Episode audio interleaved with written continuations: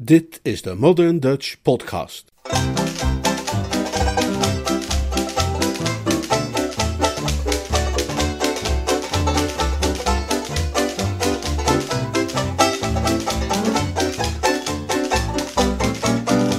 De nazomer van een oom. Een verhaal uit de bundel Uitstekend Jeeves door P.G. Woodhouse. Vertaald en voorgelezen door Leonard Beuger.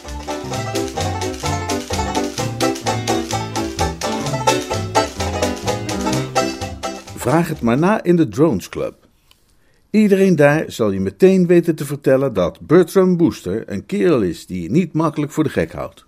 Een echte arendsoog, zo zou je me wel kunnen noemen. Observeren en deduceren, dat is wat ik doe. Ik beschouw de feiten en ik trek er mijn conclusies uit.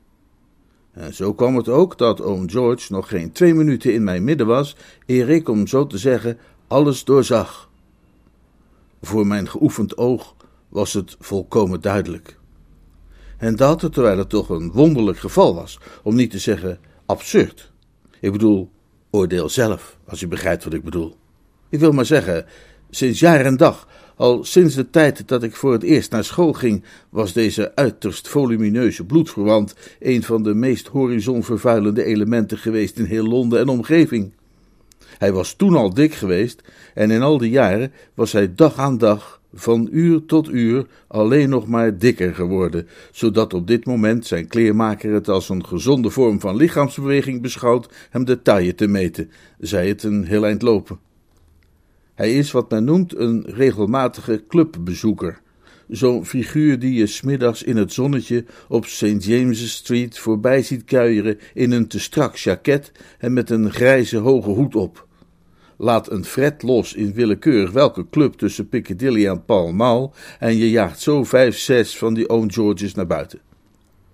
Hij brengt zijn tijd door met lunchen en dineren in de Buffers Club en tussen de maaltijden door met het drinken van borreltjes in de rooksalon, waar hij iedereen die het horen wil lastig valt met verhalen over zijn maagwandproblemen. Zo'n twee keer per jaar dient zijn lever een formeel protest in en vertrekt oom George naar Harrogate of Carlsbad om weer enigszins te worden opgelapt. En als hij daarvan terugkeert, hervat hij het gewone programma. Kortom, hij is zo ongeveer de laatste persoon op aarde van wie je zou verwachten dat hij ooit door hartstocht of minnebrand zou kunnen worden verteerd. En toch, geloof het of niet, dat was precies wat er gebeurde. Dit bejaarde probleemgeval overviel me op zekere ochtend bij mij thuis, zo ongeveer op het tijdstip dat een mens een sigaretje opsteekt na het ontbijt. Oh, uh, uh, Bertie, zei hij. Hallo? Zeg, uh, die dassen, die je de laatste tijd draagt, waar, waar heb je die vandaan? Van Bletchers in de Burlington Arcade. Ah, uh, dankjewel. Hij liep naar de spiegel, bleef ervoor staan en bekeek zichzelf ernstig. Een uh, veeg op uw neus? vroeg ik beleefd. Op dat moment zag ik opeens dat verschrikkelijke, onnozele glimlachje op zijn gezicht, en ik moet toegeven dat het mij het bloed niet weinig deed stollen in de aderen. Oom George met een neutrale uitdrukking op het gelaat is al zwaar genoeg om tegenaan te kijken. Met een onnozele glimlach om de mond gaat het werkelijk te ver. Oh ja, zei hij. Hij slaakte een lange zucht en draaide zich om. Geen ogenblik te vroeg, want de spiegel stond op het punt van barsten. Ah, zo oud ben ik nog niet, hm? zei hij op peinzende toon. Zo oud als wat? Ah, als je het goed bekijkt, ben ik juist uh, in de bloei van mijn leven. En uh, bovendien, uh, wat een jong, onervaren meisje nodig heeft, is een man van gewicht en van jaren. Hè? Daar kan zij op steunen. niet het jonge boompje, maar de, maar de krachtige eik is waar zij behoefte aan heeft. Het was op dat moment dat ik, zoals ik hierboven al zei, alles doorzag. Grote genade, oom George, zei ik. U denkt er toch niet over te gaan trouwen? Uh, wie niet? U niet. Oh, maar, maar dat doe ik wel. Uh, waarom zou ik niet? Nou, uh... Natuurlijk is een achtenswaardig instituut. Oh, nee, maar absoluut. Ook jou zou het tot een, een beter man maken, Bertie. Wie zegt dat? Ik zeg dat. het huwelijk zou jou kunnen veranderen uh, van, van, van een onbezonnen rekel in een echte uh, niet-rekel. pot voor drie Bertie, jazeker. Ik denk erover om te gaan trouwen. En als mijn zuster Agatha van plan is om zich daarmee te bemoeien, dan zal ik, nou, dan zal ik, nou, nou ja, dan zal ik weten wat me te doen staat. Met die krachtige woorden trok hij zich terug en ik belde om Jeeves. De situatie leek een onderontje tussen hem en mij te vereisen. Jeeves, zei ik. Ja. Zal ik jou eens wat vertellen over mijn oom George? Zoals u wilt, meneer. Lord Yaxley vormt ongetwijfeld een interessant onderwerp van gesprek. Ik bedoel niet, zal ik jou eens wat vertellen over mijn oom George? Ik bedoel, weet jij wat mijn oom George van plan is te doen? Hij overweegt een huwelijk, meneer. Goeie god, heeft hij jou dat verteld? Nee, meneer. Maar merkwaardig genoeg ben ik bekend met de andere partij in deze kwestie. Het meisje? De jonge dame, inderdaad, meneer. Het was van haar tante, bij wie zij woonachtig is, dat ik van Lord Jaxley's trouwplannen heb vernomen. Wie is dat kind? Zeker mevrouw Platt, meneer. Mevrouw Rhoda Platt, Huizen Wisteria, Kitchener Road, East Dulwich. Is ze jong? Ja, meneer. Die ouwe gek. Ja, meneer. Het is een uitdrukking die ik uiteraard persoonlijk niet zou hebben gebruikt, meneer. Maar ik ben stellig met u eens dat Lord Jaxley in deze slecht beraden is. Men dient daarbij evenwel te bedenken dat het geen ongewoon verschijnsel is dat heren van een zekere leeftijd slachtoffer worden van bepaalde gevoelsmatige aandriften.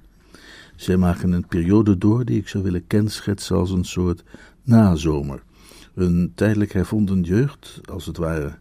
Het fenomeen is opvallend sterk aanwezig, naar men mij te verstaan heeft gegeven, in de Verenigde Staten van Noord-Amerika onder de beter gesitueerde inwoners van de stad Pittsburgh.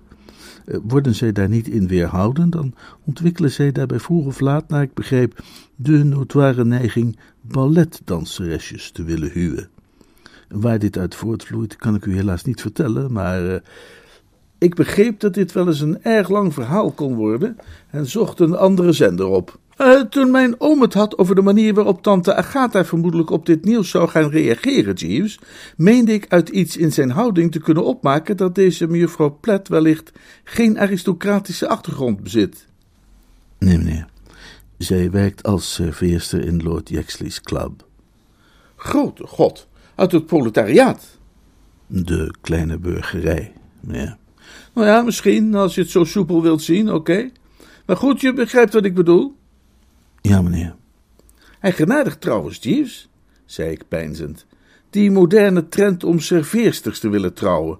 Weet je nog dat die brave Bingo Little, voordat hij zijn wilde haren kwijt was, dat ook voortdurend probeerde te doen? Ja, meneer. Mal.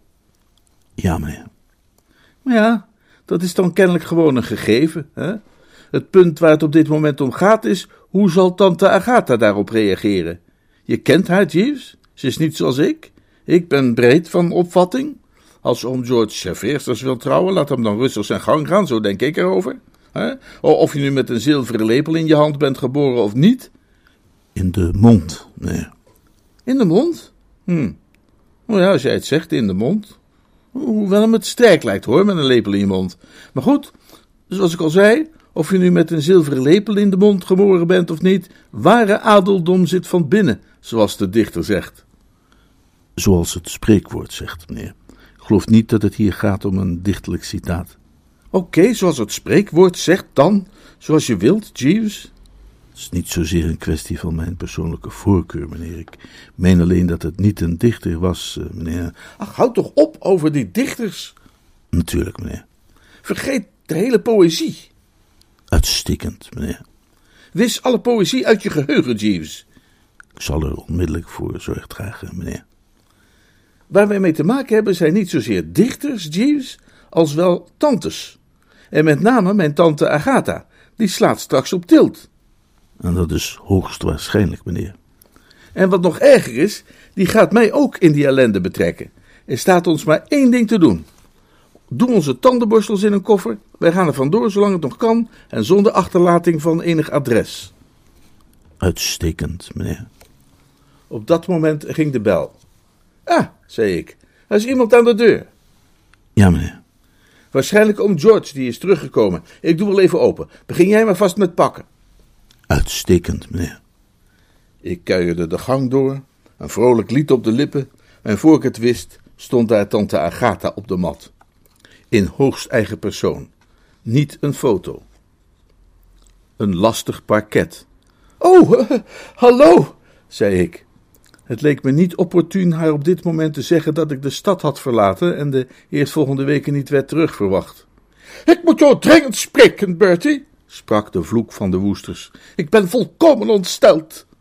Ze beende de woonkamer binnen en maakte een noodlanding op de eerste de beste stoel. Terwijl ik haar achterna liep, gingen mijn gedachten smachtend uit naar Jeeves, die in de slaapkamer de koffers aan het pakken was. Die koffers kon hij nu wel verder vergeten. Ik besefte waarvoor ze gekomen moest zijn. Ik heb uh, zojuist om George gesproken, zei ik, om haar een beetje op weg te helpen. Ik ook, zei tante Agatha, terwijl ze zichtbaar huiverde. Hij kwam bij mij langs toen ik nog in bed lag, om mij te vertellen dat hij van plan is te gaan trouwen met een of ander onmogelijk kind uit South Norwood. East Dulwich, uh, luidt mijn informatie. Zin East Dulwich, maar dat komt op hetzelfde neer. Wie heeft je dat trouwens verteld? Jeeves? En hoe, mag ik vragen, komt het dat Jeeves van deze dingen op de hoogte is? Er zijn maar erg weinig zaken op deze wereld, mijn lieve tante, antwoordde ik op indringende toon, waarvan Jeeves niet op de hoogte is. Hij kent het meisje. Wie is zij? Een van de serveersters van de Buffers Club. Ik had verwacht dat dit stevig aan zou komen en dat was ook zo. Mijn bloedverwante slaakte een gekrijs dat sterk deed denken aan het geluid van de Cornwall Express die een lastige wissel passeert. Uit uw reactie leid ik af, beste tante, dat u graag zou zien dat een en ander niet doorging. Natuurlijk mag dit niet doorgaan. Dan is er slechts één koers die wij kunnen volgen. Ik druk even op de bel om Jeeves te roepen, zodat we zijn advies kunnen inwinnen. Ik zag tante Agatha verstijven. Geheel en al de grande dame uit het ancien régime. Verbeeld jij je nu in alle ernst dat wij een delicate familiekwestie als deze zouden kunnen voorleggen aan jouw bediende? Nou ja, u, u, weet wat de dichter, of liever wat het spreekwoord daarvan zegt. Ze legde me met een vernietigende blik het zwijgen op. Het is duidelijk dat ons maar één ding te doen staat, zei ze, en dat is dat meisje geld bieden. Geld? Natuurlijk. Het is niet de eerste keer dat uw oom van jou een dergelijke maatregel noodzakelijk maakt. Tobbend zaten wij een korte wijle bijeen. De familie zit altijd tobbend bijeen als de kwestie ter sprake komt van de grote romance uit oom George's jeugd. Ik was op dat moment nog te jong om werkelijk te begrijpen waar het over ging, maar ik heb inmiddels alle details herhaaldelijk mogen vernemen uit diverse bronnen, waaronder oom George zelf. Als hij ook maar in de geringste mate aangeschoten raakt, dan vertelt hij je gegarandeerd weer het hele verhaal, soms zelfs twee keer op een avond. Het ging om een meisje dat in de Criterion achter de bar stond, en de kwestie speelde zich af vlak voordat hij de titel erfde. Zij heette Maudie en hij was stapeldol op haar, maar de familie wilde er niets van weten. De zak met dubloenen werd tevoorschijn gehaald en het meisje afgekocht. Zo'n verhaal over sociale problematiek en intermenselijke relaties, als u begrijpt wat ik bedoel. Ik zag het afkoopplan niet zo zitten. Tja, u moet het natuurlijk zelf weten, maar u neemt een enorm risico. Ik bedoel, in romans en toneelstukken komt er altijd een ongelooflijk gedonder van als mensen zoiets proberen. Het publiek kiest altijd de kant van het meisje. Zij hoeft alleen maar haar schouders recht te trekken en hen aan te kijken met haar kalme en heldere ogen, en iedereen begint zich opeens heel schuldig te voelen. Als ik u was, zou ik me liever gewoon rustig houden en de natuur zijn gang laten gaan. Hoe bedoel jij dat? Nou, bedenk alleen maar eens even hoe oom George er eigenlijk uitziet. Hij is geen uh, Greta Garbo, dat durf ik toch wel te zeggen. Geef dat meisje simpelweg genoeg tijd om eens goed naar hem te kijken. Neem één ding rustig van mij aan, tante Agatha. Ik heb de menselijke aard bestudeerd en ik geloof niet dat er ook maar één vrouw in de wereld is die, als ze oom George maar vaak genoeg heeft mogen aanschouwen in het soort van vesten dat hij draagt, niet het gevoel krijgt dat ze het uiteindelijk aan zichzelf als mens verplicht is om hem de bons te geven. Bovendien, dat meisje krijgt hem te zien tijdens de maaltijden. En om George, terwijl hij gulzig zijn dagelijkse portie verslindt, dat is een aanblik die... Uh... Als ik er je niet ongelukkig mee maak, Bertie, dan zou ik het toch wel heel erg fijn vinden als nu eens op zou willen houden met het gewauwel. Zoals u wilt. Maar hoe dan ook, ik, ik denk dat u je toch heel gênant zult vinden als u straks met dat meisje over geld moet gaan onderhandelen. Ik ben ook helemaal niet van plan om dat te doen. Jij gaat die onderhandelingen voeren, Bertie. Ik? Jazeker. En 100 pond lijkt me een genereus aanbod. Maar ik zal je een blanco cheque meegeven en je bent vrij om daar een hoger bedrag op in te vullen, mocht het noodzakelijk zijn. Waar het om gaat is dat jouw oom, koste wat kost, verlost wordt uit deze compromitterende relatie. Dus u wilt dat klusje op mij afschuiven? Het is ruimschoots tijd dat jij ook eens iets doet voor de familie. En als dat kind nu eens inderdaad haar schouders recht trekt en me aankijkt met haar kalm en heldere ogen, wat is dan mijn reserve-act? Daar hoeven wij het niet eens over te hebben. Je kunt in een half uur in East Dulwich zijn, er gaat elk kwartier een trein, ik blijf hier wachten op jouw verslag.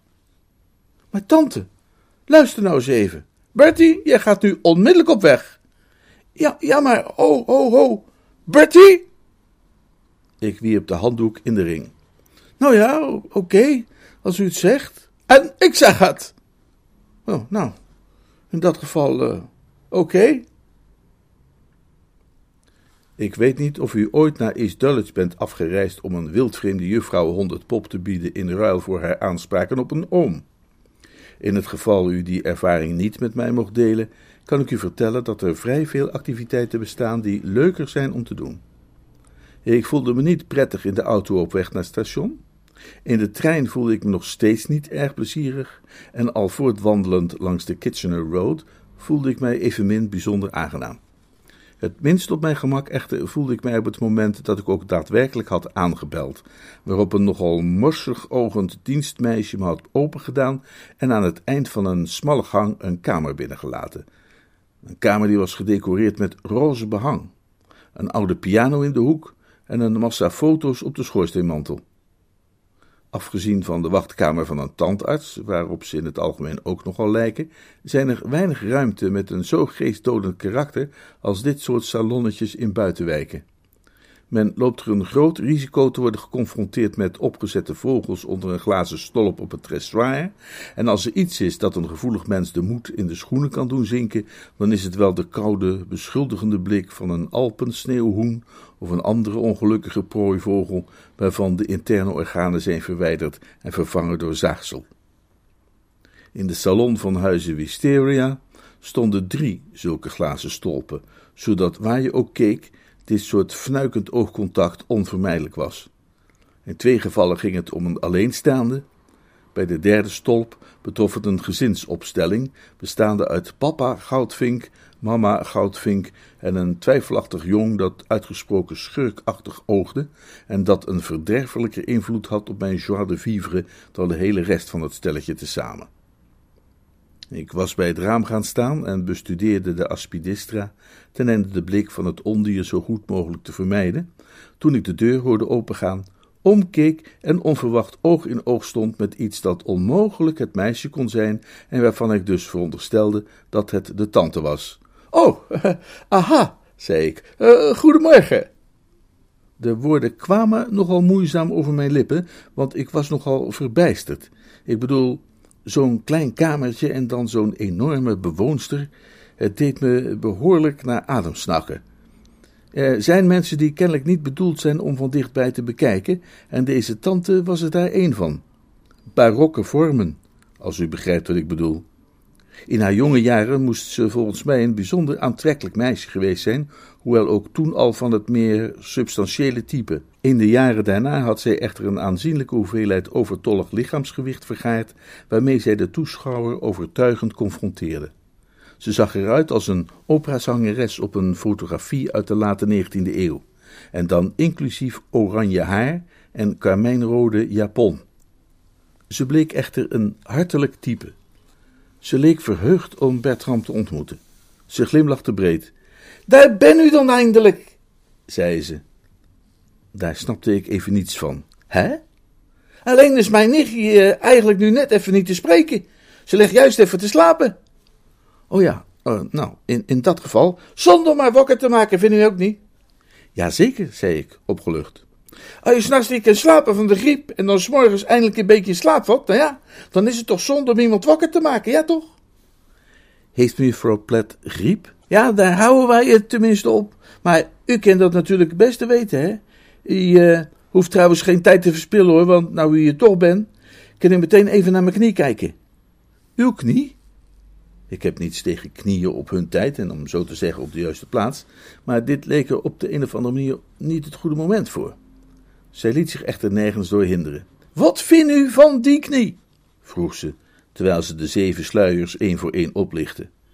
Ja, eh, eh, een mens moet beleefd blijven. Uh, geweldig, zei ik. U kan niet geloven wat een zeer die soms doet. Echt waar? Het zijn een soort uh, schuiten. Het schiet erin en schiet er ook weer uit. En dan zal ik u eens iets grappigs vertellen. O ja, wat dan? zei ik. Ik was ondertussen wel toe aan iets om te lachen. De laatste tijd heb ik diezelfde pijn, ook hier, hier, onderaan mijn ruggengraat. Het is niet waar. Het is wel waar. Als gloeiende naalduw. Ik wil dat u er even naar kijkt. Onderaan uw ruggengraat? Ja. Ik schudde mijn hoofd. Niemand had meer van een geintje dan ik. Oude jongens krentenbrood, een feestje een beetje aan de gang maken en al dat soort dingen. Goed, maar er is ergens een grens. En wij woesters weten waar wij die grens moeten trekken. Nee, dat gaan wij niet doen, sprak ik ernstig. Geen uh, ruggengraat. Knieën oké, maar ruggengraten nee, zei ik. Ik meende enige verbazing in haar blik te ontdekken. Nou, zei ze, u bent wel een rare dokter hoor, moet ik zeggen. Ik ben nogal vlot van begrip, zoals ik al eens eerder heb verteld, en ik begon te begrijpen dat er zich hier iets van een vergissing aan het voordoen was. Dokter? Nou ja, u noemt zichzelf toch dokter? Dacht u dat ik een dokter was? Ben u dan geen dokter? Nee, ik ben geen dokter. We waren eruit. De schellen waren ons van de ogen gevallen. We wisten weer waar we stonden. Ik had meteen al vermoed dat zij een joviaal type was. Die indruk bevestigde zij nu nog eens nadrukkelijk. Ik geloof niet dat ik ooit een vrouw eerder zo smakelijk had horen lachen. dat, dat is een goede zeg, zei ze, terwijl ze mijn zakdoek even leende om haar ogen droog te wrijven. Hij ook, hij ooit, ooit is zoiets meegemaakt. Maar, maar als u de dokter niet bent, wie bent u dan wel? Mijn naam is Woester. Ik kom om mevrouw Plet te spreken. Waarover dan? Dit was uiteraard het moment waarop ik die cheque tevoorschijn had moeten trekken en haar mijn genereuze voorstel had moeten doen. Maar op de een of andere manier kon ik het niet over mijn hart verkrijgen. U kent dat wel.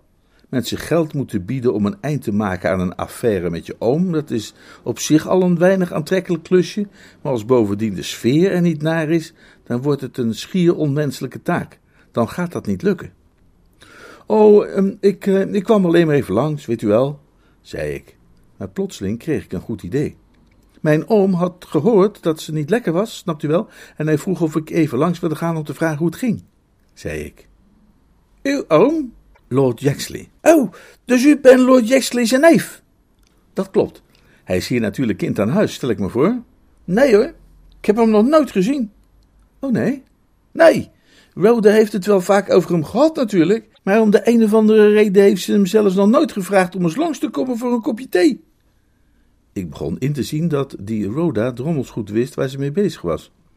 Als ik een meisje was geweest en iemand wilde met me trouwen, maar ik wist dat er een verrassing als deze tante bij mij thuis op de loer lag, dan zou ik er ook nog wel een keertje over hebben nagedacht of ik mijn aanstaande wel moest uitnodigen voordat de plechtigheid goed en wel achter de rug was en hij zijn handtekening op het stippenlijntje had gekalligrafeerd.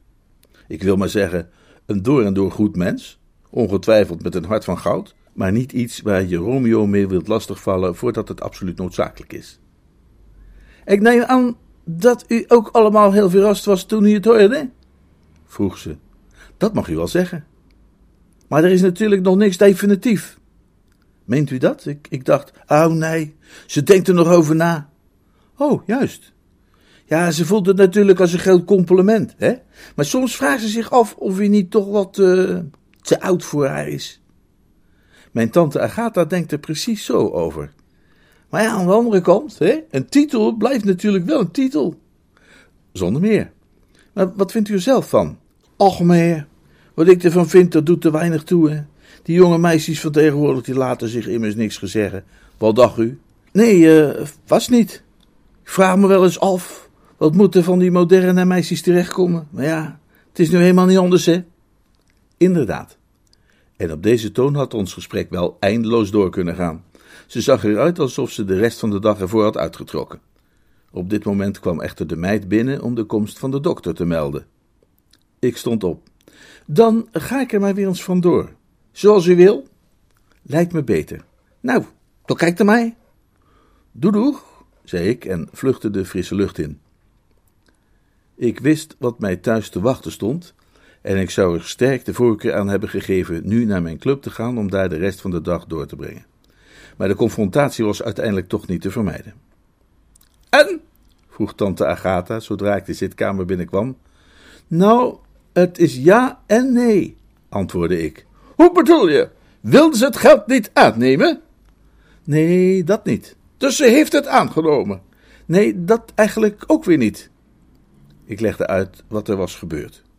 Ik had niet verwacht dat ze daar bijzonder mee ingenomen zou zijn, en dat was maar goed ook, want dat was ze inderdaad niet. Naarmate mijn verhaal zich langzaam ontvouwde, werd haar commentaar dan ook geleidelijk aan pittiger en substantiëler, totdat zij aan het eind van mijn relaas een uitroep slaakte die het venster nagenoeg deed springen. Het klonk ongeveer als en wekte in mij het vermoeden dat zij eigenlijk van plan was geweest een kernachtige, doch religieus onacceptabele uitdrukking te gebruiken, waarvan zij zich nog juist op tijd had herinnerd dat die weinig passend was voor iemand van haar distinctie en afkomst. Het spijt me, zei ik, en wat kan er mensen meer van zeggen? Er moet soms minder schoenen, een plotselinge dip in het moreel, zeg maar. Het had iedereen kunnen gebeuren. Iemand met zo weinig ruggengraat heb ik van mijn levensdagen nog niet ontmoet. Ik huiverde zoals een krijgsman wanneer zijn oude wond opspeelt. U zou mij een groot genoegen doen, tante Agatha, zei ik, wanneer u het woord ruggengraat zou willen vermijden. Het wekt zekere herinneringen. De deur ging open en Jeeves verscheen. Nee. Ja, Jeeves. Ik meende dat u had gebeld. Nee. Nee, Jeeves. Uitstekend, meneer. Er zijn ogenblikken waarop ik zelfs onder de ogen van tante Agatha mijn wil weet door te zetten. En dit was zo'n ogenblik. Daar stond Jeeves, het licht zijner intelligentie eenvoudig stralend van zijn gelaat, en ik besefte plotseling hoe ongelooflijk stompzinnig het zou zijn deze eerste klas bron van steun en vertroosting het bos in te sturen, enkel en alleen omdat tante Agatha een onnozel vooroordeel bezat tegen het bespreken van familieaangelegenheden met het personeel. Zij zou misschien wel weer goor gaan zeggen, maar ik besloot te doen wat wij eigenlijk van het begin af aan hadden moeten doen, namelijk de zaak in Jeeves' handen leggen. Jeeves, zei ik, dat probleem met oom George. Ja, meneer. Je kent de omstandigheden? Ja, meneer. En je weet wat onze bedoeling is? Ja, meneer. Oké. Adviseer ons. En een beetje tempo graag. Laat die hersens maar kraken. Ik hoorde dat tante Agatha begon te rommelen als een vulkaan vlak voordat hij de omwonenden en al het hunne zal verzwelgen, maar ik en desespereerde niet. Ik had het sprankeltje opgemerkt in Jeeves' oog dat erop wees dat er een idee aan zat te komen. Begrijp dat u de jonge dame thuis hebt opgezocht, meneer. Ik ben net terug. Dan heeft u ongetwijfeld ook de tante van de jonge dame ontmoet. Vrijwel uitsluitend, Jeeves. In dat geval zal hetgeen ik zou willen suggereren u stellig weten aan te spreken, meneer. Ik zou willen aanbevelen Lord Yaxley met de dame in contact te brengen. Het is altijd haar bedoeling geweest, en ook nu nog, om bij haar nicht in huis te blijven wonen, ook nadat deze eventueel in het huwelijk zou zijn getreden. En zoals u zult hebben opgemerkt, meneer, zij is een bijzonder hartelijke vrouw, zonder twijfel, maar met een onmiskenbaar volkse achtergrond. Jeeves, zo is het. Onmiskenbaar. Alleen al dat oranje haar. Inderdaad, meneer. En dan heb ik het nog niet eens over die ontzettend rode jurk, of wat was het? Precies, meneer. Ik zal haar morgen hier uitnodigen voor de lunch, om, om George te ontmoeten. Ziet u nu wel, zei ik tegen tante Agatha, die nog altijd op de achtergrond rommelde en vuur spuwde, meteen raak. Een fantastisch plan. Ik had u toch gezegd? Dank je, Jeeves. Je kunt gaan, zei tante Agatha. Uitstekend, mevrouw.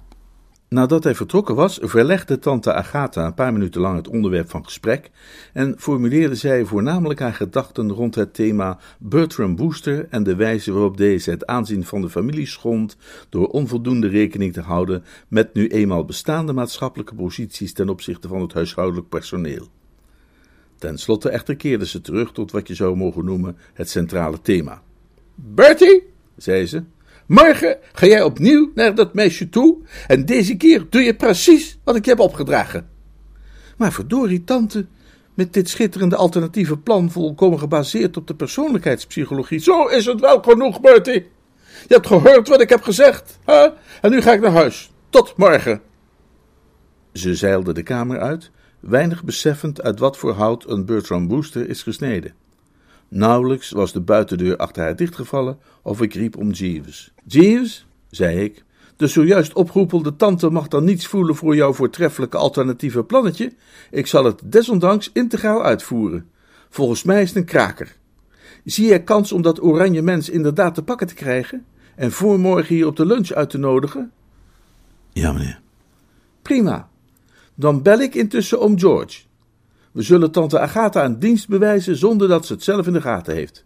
Hoe zegt de dichter dat ook alweer, Jeeves? Bedoelt u het spreekwoord, meneer? Nee, ik bedoel niet het spreekwoord. Ik bedoel de dichter. Over het stilletjes verrichten van een goede daad. Die liefdedaden ongeloond en ongeweten, nee. Daar zeg je het in een notendop, Jeeves. Het doen van liefdedaden ongeloond en ongeweten zou iemand eigenlijk een warm gevoel moeten geven, heb ik tenminste altijd gedacht.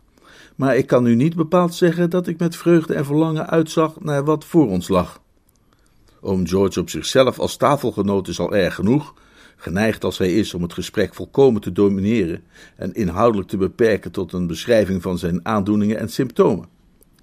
Hij behoort tot die wonderlijke categorie van medemensen aan wie het met geen mogelijkheid valt duidelijk te maken dat het grote publiek niet de geringste interesse bezit in de toestand van hun maagwand. Voeg daar de tante uit East Dulwich aan toe en er is sprake van een tafelgezelschap dat zelfs de dappersten onder ons met wanhoop zou vervullen. Vanaf het moment dat ik wakker werd, voelde ik een dreigend noodlot boven mij hangen en die wolk werd in de loop van de ochtend alleen maar duisterder en dreigender. Tegen de tijd dat Jeeves de kamer binnenkwam met de cocktails, voelde ik mij behoorlijk beroerd. Het liefste, Jeeves, zei ik, zou ik dit hele plannetje verder laten voor wat het was en hem stiekem smeren naar de Drones Club. Zeker, meneer. Ik kan me ook erg goed voorstellen dat ons een weinig opwekkende bijeenkomst te wachten staat. Hoe ken jij deze mensen eigenlijk, Jeeves? Via een jongeman die tot mijn kennissenkring behoort. Hij is de persoonlijke bediende van kolonel Mannering Smith. Hij had destijds omgang met de betreffende jonge dame en hij heeft mij een keer gevraagd hem te vergezellen naar Huizen Wisteria om kennis met haar te maken. Waren ze verloofd? Dat niet precies, meneer, maar zij hadden omgang met elkander. En hoe is dat uitgeraakt? Het is niet in die zin uitgeraakt, meneer. Toen Lord Yaxley aandacht begon te schenken aan de jonge dame, voelde zij zich daardoor uiteraard gevleid en werd zij heen en weer geslingerd tussen liefde en maatschappelijke ambitie. Maar zelfs tot op dit moment heeft zij de omgang met de jonge man niet formeel willen beëindigen. Dus als jouw plannetje slaagt en oom George er van tussen gaat, zou dat goed uitkomen voor jouw jeugdige vriend. Jazeker, meneer. Voor Smethurst, zijn naam is Smethurst, waar het een voleinding met vroom gebed te wensen. Oh, dat zeg je keurig, Jeeves. Een formulering van jezelf? Nee, meneer. Uh, Shakespeare. Hamlet, derde bedrijf. Scène 1, regel 8 en 9, als ik mij niet vergis. Een ongeziene hand luidde op dat moment de voordeurbel en ik maakte mezelf op voor de rol van gastheer. Het feest ging beginnen. Wow, Wilberforce, ja kondigde Jeeves aan. Maar hoe ik een uitgestreken gezicht moet houden als jij straks achter mij staat en zegt: Mevrouw, ken ik u misschien verleden met een smakelijk aardappeltje? Nou, dat weet ik echt niet hoor, zei de oranje tante terwijl ze de kamer langzamerhand vrijwel geheel begon te vullen. daarbij een voller, kleuriger en familiaarder aanblik biedend dan ooit tevoren. Ik ken hem, weet u dat? zei ze, terwijl ze naar Jeeves wees met haar duim. Hij is wel eens bij ons thuis geweest op de thee. Ja, dat heeft hij me verteld. Nieuwsgierig keek ze de kamer rond. Leuke woning hebben u hier, zei ze. Hoewel ik zelf meer van roze hou. Roze maakt alles zo vrolijk, hè? Maar oh zeg, wat heb je daar? Cocktails? Een martini met een dubbeltje absint, zei ik, terwijl ik haar inschonk. Ze slaakte een meisjesachtig gilletje. Nou, geloof maar niet dat ik van dat spulletje drink. Weet je wat er zou gebeuren als ik er ook maar aan zou nippen? Ik zou gelijk vergaan van de pijn. Heb je wel eens bij nagedacht wat die dingen doen met je maagwand? Ik zou het niet weten. Nou, ik wel. Als je net zo lang achter de bar hebt gestaan als ik, dan zou jij dat ook weten. Oh, ah, juist. Ah. U heeft uh, achter de bar gestaan. Ja, jaren, joh. Toen ik jonger was dan natuurlijk, hè. In de criterion. Ik liet de cocktailshaker uit mijn handen vallen. Kijk, reageerde ze. Zo ziet je mij weer. Dan krijg je van dat spul. Je handen gaan er helemaal van trillen. Zelf zei ik altijd tegen de jongens: port, alsjeblieft. Port is gezond. Ik houd zelf ook wel van een glaasje port. Maar die nieuwe wetse rommeltjes uit Amerika, dat is niet goed voor een mens. Maar dacht je dat ze naar me luisterde? Oh maar. Ik keek haar bedachtzaam aan. Natuurlijk, er moeten in de loop van de jaren duizenden meisjes achter de bar hebben gestaan in de Criterion, maar toch was ik even geschrokken. Oom George's poging tot een mésalliance had weliswaar vele jaren geleden plaatsgevonden, lang voordat hij de titel erfde, maar nog altijd schudt een woester op zijn grondvesten als hij de naam Criterion hoort. Uh, toen u vroeger in de, in de Criterion werkte, vroeg ik, bent u toen wel eens iemand tegengekomen die dezelfde naam droeg als ik? Och, ben je naam vergeten, joh? Ik ben toch zo slecht met namen? Woester. Woester? Oh, toen je je gisteren voorstelde, toen dacht ik dat je Foster zei. Nee, Woester. Of ik wel eens iemand tegengekomen ben die Woester heette. Nou en of. Ik zal je vertellen, George Woester en ik. Ik noemde hem trouwens altijd Biggie. Zouden eigenlijk samen in het bootje stappen. Maar zijn familie kwam erachter en ging zich ermee bemoeien. Ze boden me een hoop geld als ik hem zou laten gaan. En ik, onnozel kind als ik was, ik heb me laten overhalen. Ach, ach, ach. Als ik me geen duizend keer heb afgevraagd wat er van hem terecht kan zijn gekomen. Is hij, is hij familie van u? Excuseer mij een ogenblikje, zei ik. Ik moet even iets overleggen met Jeeves. Ik scheurde naar het keukentje. Jeeves! Meneer. Weet je wat er gebeurd is? Nee, meneer. Dat, dat mens! Meneer. Dat is oom George Bar, je vrouw. Meneer.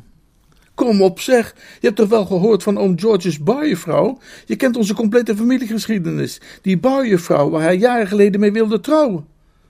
Ah, natuurlijk, meneer. De enige vrouw waar hij ooit van heeft gehouden. Dat heeft hij me wel honderdduizend keer verteld. Altijd wanneer hij zijn vierde whisky met prut achter de kiezen heeft, wordt hij lyrisch over die juffrouw. Dat kan hij missen. Wat stom ongelukkig zeg. Je kunt er donder op zeggen dat zodra hij haar ziet, de echo van het verleden zal weer klinken in zijn hart en geen klein beetje. Dat voel ik gewoon, Jeeves. Ze is precies zijn type.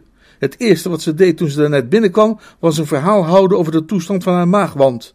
Doorzie je de macabere betekenis van wat ik je vertel, Jeeves. De toestand van zijn maagwand is ook voor oom George het favoriete gespreksonderwerp.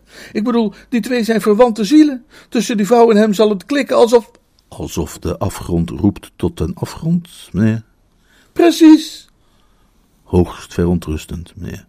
Wat kunnen we daaraan doen? Ik zou het u niet kunnen zeggen, meneer.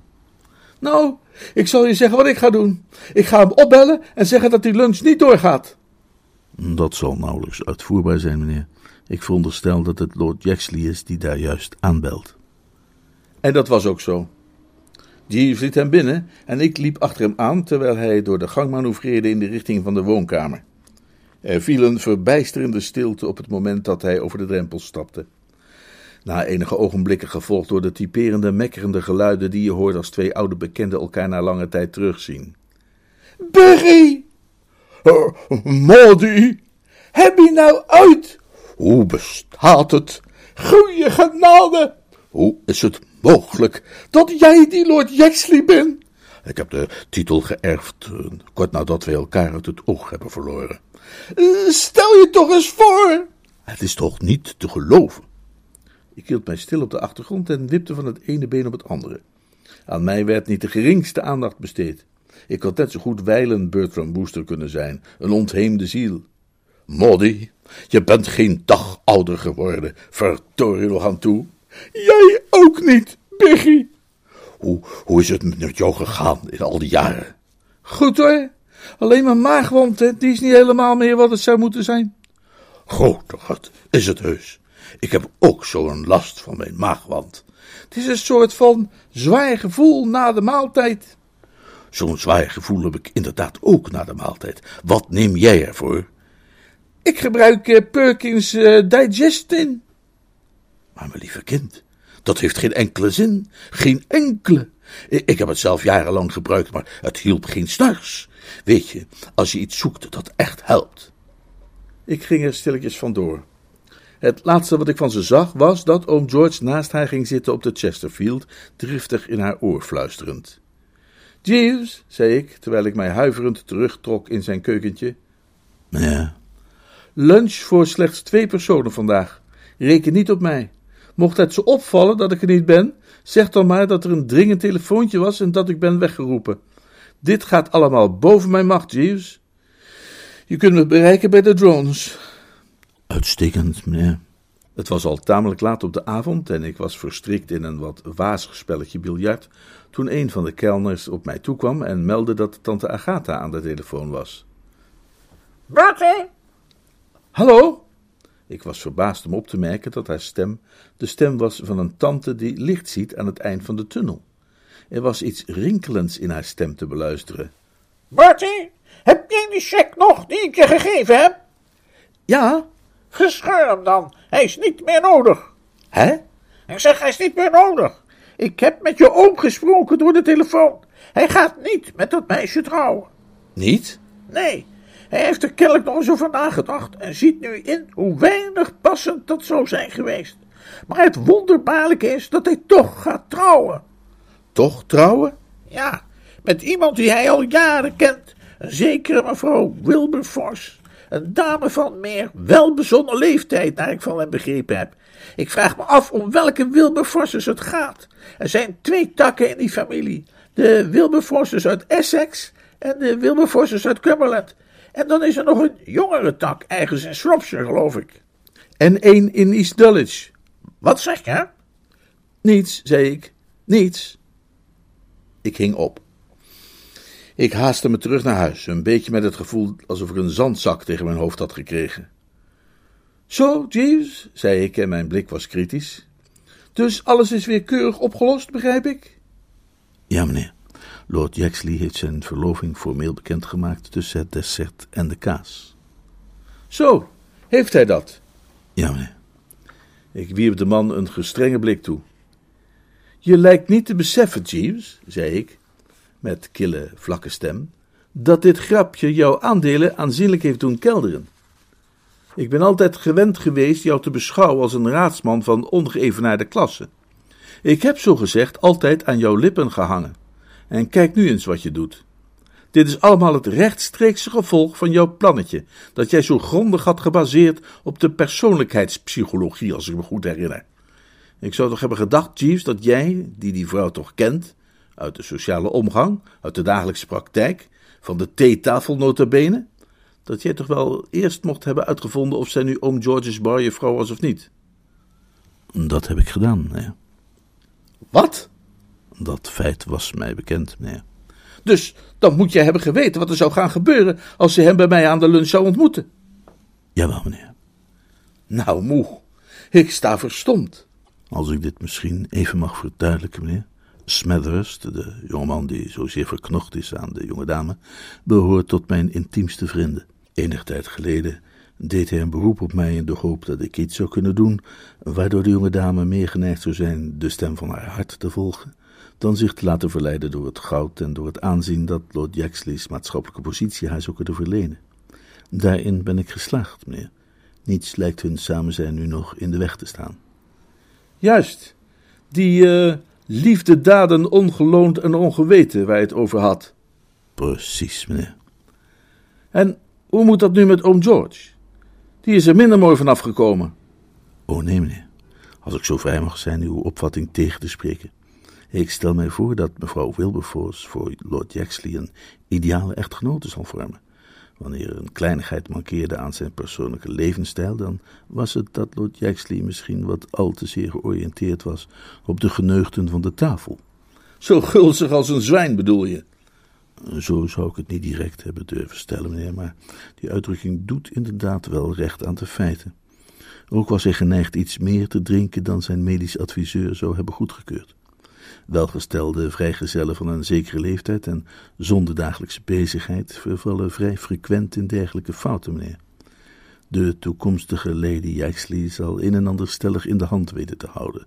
Sterker nog, reeds gisteren hoorde ik haar iets in die richting opmerken terwijl ik de vis serveerde. Zij sprak van een zekere pafferigheid die ten tijde van hun eerste kennismaking ontbroken had in Lord Yaxley's gezicht. En zij voegde eraan toe dat hij wel iemand kon gebruiken die een beetje voor hem zorgde. Ik verwacht, meneer, dat een huwelijk tussen deze beiden voor alle partijen bijzonder bevredigend zal blijken. Wat hij zei klonk, uh, wat is dat woord ook alweer? Uh, plausibel. Dat is waar. Maar, maar toch schudde ik twijfelachtig het hoofd. Maar Jeeves. Ja. Ze heeft, zoals je zelf nog niet zo lang geleden opmerkte, inderdaad toch wel een onmiskenbaar uh, volkse achtergrond. Hij keek me enigszins verwijtend aan. Een degelijke achtergrond in de kleine burgerij, meneer. ja? Ik zei, Jeeves. En bovendien, meneer, bedenk wat de dichter Tennyson heeft gezegd. Een gouden hart is meer waard dan een gouden kroon. En wie van ons gaat dat aan tante Agatha vertellen? Als ik een suggestie mag doen, meneer, dan zou ik u graag willen adviseren iedere vorm van communicatie met mevrouw Spencer Gregson voorlopig te mijden. Uw koffer staat praktisch gereed en in enkele minuten zou ik de wagen uit de garage hieren en dan weg over de horizon, naar waar een man nog een man kan zijn. Precies, meneer. Jeeves, zei ik, ik weet nog steeds niet helemaal zeker of ik het wel met je eens kan zijn voor wat betreft jouw recente plannetjes en activiteiten. Jij denkt zelf dat je niets dan geluk en vreugde om je heen hebt verspreid. Ik weet dat nog niet zo zeker. Maar met die laatste suggestie van jou sla je de spijker op de kop. Ook bij nadere overweging lijkt me die waterdicht. Daar mankeert helemaal niets aan. Ik ga meteen de wagen halen. Uitstekend, meneer. Denk aan de woorden van de dichter Shakespeare, Jeeves. Welke woorden, meneer? Haastig af, achtervolgd door een beer. Staat in een van zijn toneelstukken. Ik herinner me dat ik er eens een tekening van heb gemaakt in de marge van de bladzijde toen ik nog op school zat.